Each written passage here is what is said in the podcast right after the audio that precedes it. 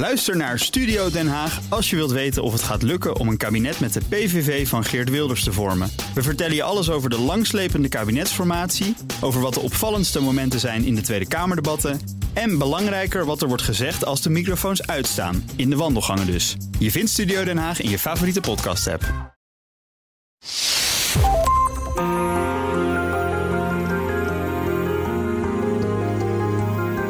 Je luistert naar De Stratege, een podcast van BNR in samenwerking met het Den Haag Centrum voor Strategische Studies. Mijn naam is Paul van Liemt.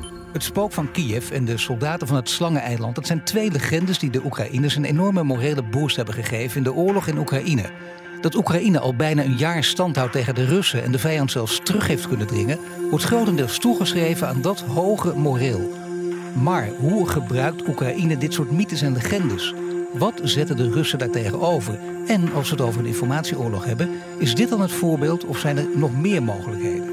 Dat besprak ik vorige week met Sofia Romanski, onderzoeker bij Den Haag Centrum voor Strategische Studies, en met Björn de Heer. Hij is strategisch analist bij Den Haag Centrum voor Strategische Studies. Ja, dus de spook van Kiev was ook een legende geworden. Dat was in de eerste paar weken van de Russische invasie, waar er een Oekraïense piloot die ergens van zes tot in sommige casussen ook 40 Russische vliegtuigen had neergeschoten boven Kiev. En op een gegeven moment was er ook een verhaal dat die piloot neergestort is, dat het één persoon was, dan die andere. En op een gegeven moment zei de Oekraïense ministerie van Defensie: hij bestaat niet. Dat was gewoon een tweet. Rechts, ze zeiden gewoon: hij bestaat niet.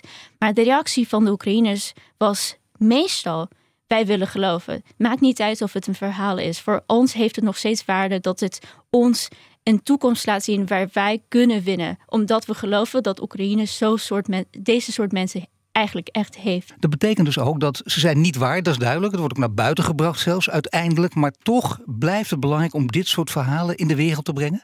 Ja, want ze laten zien hoe de Oekraïners naar de oorlog moeten kijken. En dat ze met moede zelfs naar, naar, elke situatie, zo donker als het is, moesten kijken. Gewoon doorkijken en doorgaan, zoals de Ghost of Kiev of de helden van Slangeneiland. Sofia Romanski en Björn de Heer zijn ook nu mijn gasten, want we gaan luisteraarsvragen beantwoorden. De eerste vraag van een van de mensen die is binnengekomen. Wat zijn bekende voorbeelden uit het verleden van mythes en legendes in oorlogen? Een specifieke mythe aan het begin van een oorlog is uh, de, de 300 Spartanen bij Thermopylae uh, tegen de Persische uh, keizer Xerxes. En, zeg maar ook een, een bijna hopeloos verzet. een andere mythe is Decamerone, Vreemdelingenlegioen in Mexico, ook vechten tegen een overmacht en onverzettelijkheid. Ja, en zo je ziet in deze mythes en legendes komen er frases voor die definiëren hoe je je tegen de vijand moet houden en hoe je moed kan brengen aan jezelf en ook je ja, soldaten die meevechten. Want het is belangrijk dat alle mensen die samenvechten één perspectief en één houding hebben om zo effectief mogelijk samen te vechten. Dan zie je wel dat, uh, dat mythes en legendes, zoals alles, alles ontwikkelt zich in het leven. In dit geval misschien ook dat de verschillende generaties ook in Oekraïne hier anders tegen aankijken. En jij zei vorige week al, Sofia, het is heel belangrijk voor iedereen in Oekraïne om dit soort mythes en legendes te hebben, want dan kun je aan vasthouden. Dat is goed voor het moreel. Maar zie je wel verschillen dat bijvoorbeeld een jonge generatie zich minder van die mythes en legendes aantrekt? Of is dat, is dat niet het geval? Ik zou eigenlijk zeggen dat het andersom is. Dat de jongere generatie zelfs meer deze mythes en legendes promoteert. En dat is specifiek, specifiek door het gebruik van social media. Want je ziet op TikTok dat veel mensen zich verkleden bijvoorbeeld als een held van de Oekraïnse geschiedenis. Want ze zeggen, voor te lang was onze geschiedenis uh, vernietigd door, Russen, door de Russen. Omdat, door Russificatie of um, ja, door de Sovjet-Unie. En ze zeggen nu moeten we deze legendes weer naar voren brengen. En wij moeten leven zo, ja, zoals wij de mythes zijn. Omdat dat is de toekomst die wij willen voor Oekraïne. Zou je kunnen zeggen dat de trots juist bij nieuwe generatie dus is toegenomen? Ja, zeker. En dat zie je ook in de duw om meer Oekraïens te spreken. Dat dat echt de taal van Oekraïners is. Dat zie je, dat zie je bijna overal. Ja, Björn, dat is ook een vraag van een, van een paar mensen binnengekomen. Die ging over hybride oorlog. Daar hadden we het vorige week ook over. Er zijn inderdaad meer definities voor mogelijk. Maar als je deze verhalen hoort uit het verleden, die grote verhalen, die, die je zelf ook uh, kent en die je zelf net uh, ook uh, hebt verwoord, betekent het dan dat die allemaal toen eigenlijk ook al als hybride oorlog gezien zouden kunnen worden en ingezet hadden kunnen worden? Uh, ja, en ook zeker, uh, zeker gedaan zijn. Uh, het, zeg maar, vechten met, met een boodschap, vechten met informatie, proberen in het hoofd van je tegenstander komen, is op zich totaal niet nieuw. Um, wel nieuw is eigenlijk het technologisch vermogen om dat over enorme doelgroepen eigenlijk zonder tijdsverlies uh, te, te, kunnen doen. Social media, uh, internet, uh, radio, tv, maar, maar juist het digitale domein daarbij maken dat de mogelijkheden enorm vergroot zijn. En, en echt in real time. Ja, en dat is, ik zou zeggen, mooi om te zien voor degene die daar ook waarde aan hechten. Dat dit eeuwen meegaat, dat dit ook door zal blijven gaan. En interessant wat Sofia zegt, dat dit dus ook bij jonge generaties nog sterker een rol speelt. Ja, vooral omdat uh, voor de jonge generatie social media uh, enorm veel belangrijker uh, medium is en me of media zijn om informatie en nieuws tot zich te nemen. Ja, maar dat gaat blijkbaar heel goed samen met verbeelding ja. van mythes. Ja, gaat perfect samen. Nu is er nog iets, en dat, is, ja, dat zijn typisch vragen van een paar, laten we zeggen, een paar uh, rationeel ingestelde uh, luisteraars. En die, die zeggen: waarom trappen we eigenlijk in dit soort mythes? Want uh, je moet er wel geloof aan hechten. Waarom geloven we dit soort mythes ook? Juist vanuit een rationele instelling. Erin trappen is denk ik een, wel, een, wel een wat negatieve manier om er naar te kijken. Maar oké, okay, iedereen mag er naar kijken zoals hij wil. Ehm, ik denk dat het de emotionele behoefte versterkt uh, die we nodig hebben om diep emotioneel te verbonden te blijven aan de doelstellingen die we zelf uh, zien in, deze oorlog. Dus voor, voor aan de Oekraïns kant is juist dat uh, geloof in die onverzettelijkheid via een mythe, via een held of heldin, um, voedt die behoefte om hoopvol, om onverzettelijk te zijn, te kunnen blijven volhouden. Ja, want uh, Björn heeft gelijk als je zegt, uh, waarom trap je erin? Dat is negatief geformuleerd, maar iemand die dat snel uh, optikt, die bedoelt natuurlijk mee van hoe kun je daar geloof in hechten als je heel rationeel bent? En hoe zit het juist met een weer hoger opgeleide jonge generatie, ook in Oekraïne, die daar toch sterk geloof aan hecht? Hoe zit dat precies, Sofia? Ik zou zeggen, als je denkt aan het ervaring van een oorlog, je hele wereld is veranderd. Alles wat je dagelijks deed, kan je niet meer doen. Want je moet altijd naar de alarms luisteren of je weet dat er altijd een dreiging is. En dat is emotioneel heel stressvol. En daarom, zelfs als je heel rationeel bent als een persoon, moet je positieve emoties naar voren krijgen. En je krijgt deze emoties door ondersteuning van andere mensen en ook van je samenleving. En dus als er een samenleving bestaat, zelfs in een oorlog die zo moeilijk voor veel mensen is, die elkaar ondersteunt en zegt: Ja, we zijn zo sterk, we kunnen alles aan, dan begin je dat ook te geloven. Want de, de mensen om je heen die je, die je waardeert en die je, ja, die je kent, als zij dat zeggen, dan kan je niet niet geloven. Kijk jij er als uh, analyticus naar? Ja, natuurlijk. Maar uh, ook, ook als persoon uh, kijk je daarnaar. En dan, dan hecht, hecht jij zelf ook waarde aan, aan deze legendes. Zie jij het belang daar ook voor jezelf daarvan in? Ja, van ik, ik zie het meer van hoe mensen reageren op deze legendes. Dus er was um, tijdens de Eurovisie Festival, had je de winnaars van de festival, die van Oekraïne natuurlijk waren. Ja. En ze roepten ook, ja, uh, Free Azovstal. En hun liedje, als ik het hoor, heb ik zoveel gevoelens erbij. Want het voelt echt als een strijd.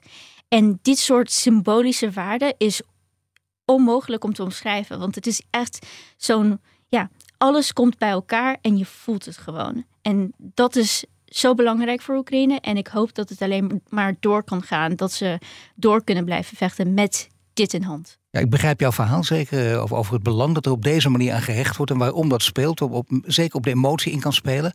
Maar er komt ook een vraag binnen. Die kan ik misschien eerst even aan Björn voorleggen van luisteraars. Die zeggen dit soort legendes. Die we dus allemaal vorige week uh, beluisterd hebben. Werken die nu escalerend of werken die de-escalerend?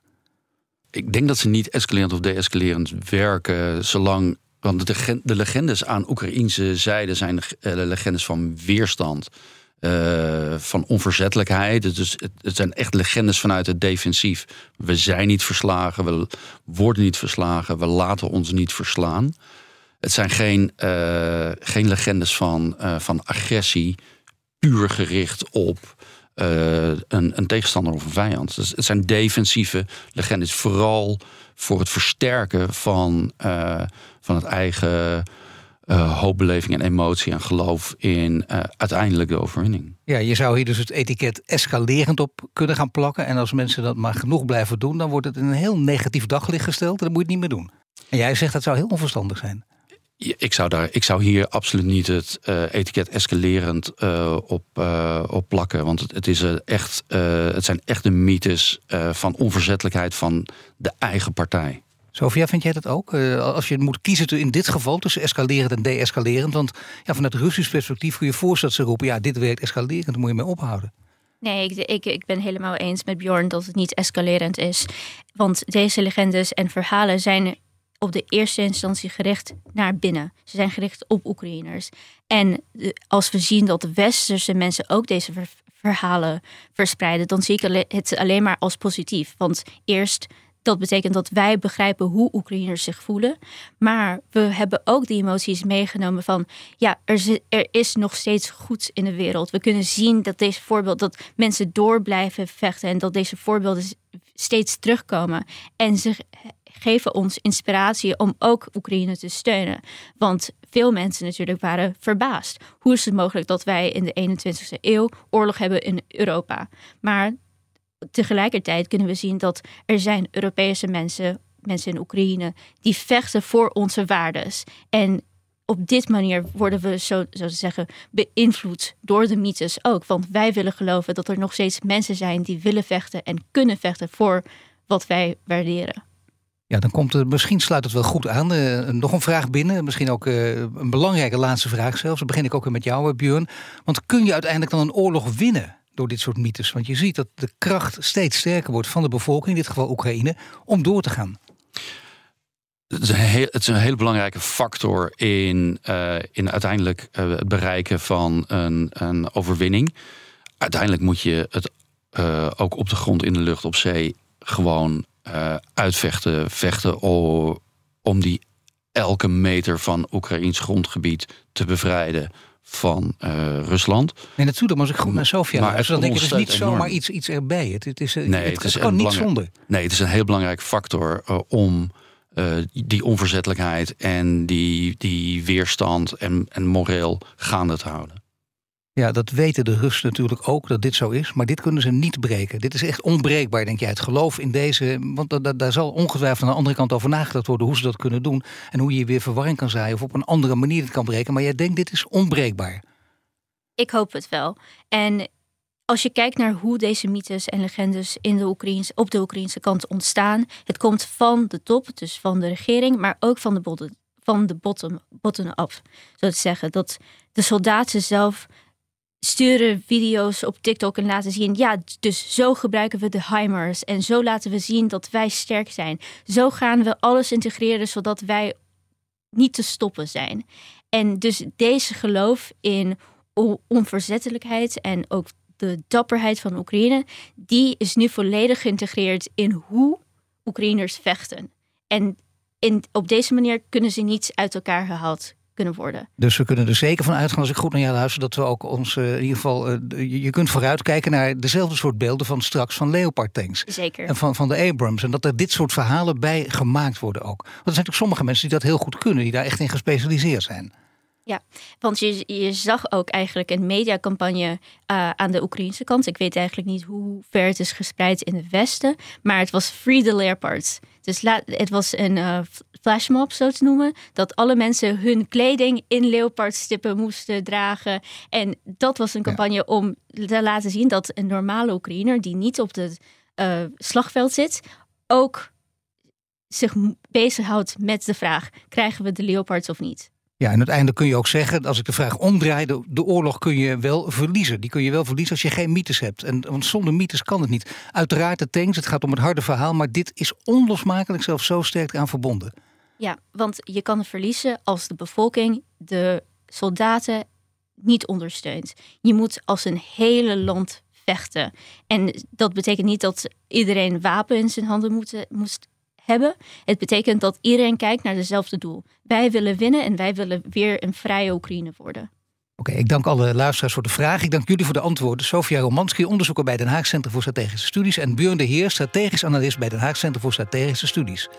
Volgende week zijn we er weer met een reguliere aflevering van De Strateeg. Wil je intussen meer afleveringen van De Strateeg terugluisteren? Je vindt hem op Apple Podcasts en Spotify, maar ook in de BNR-app of op bnr.nl. Abonneer je meteen en tot de volgende keer.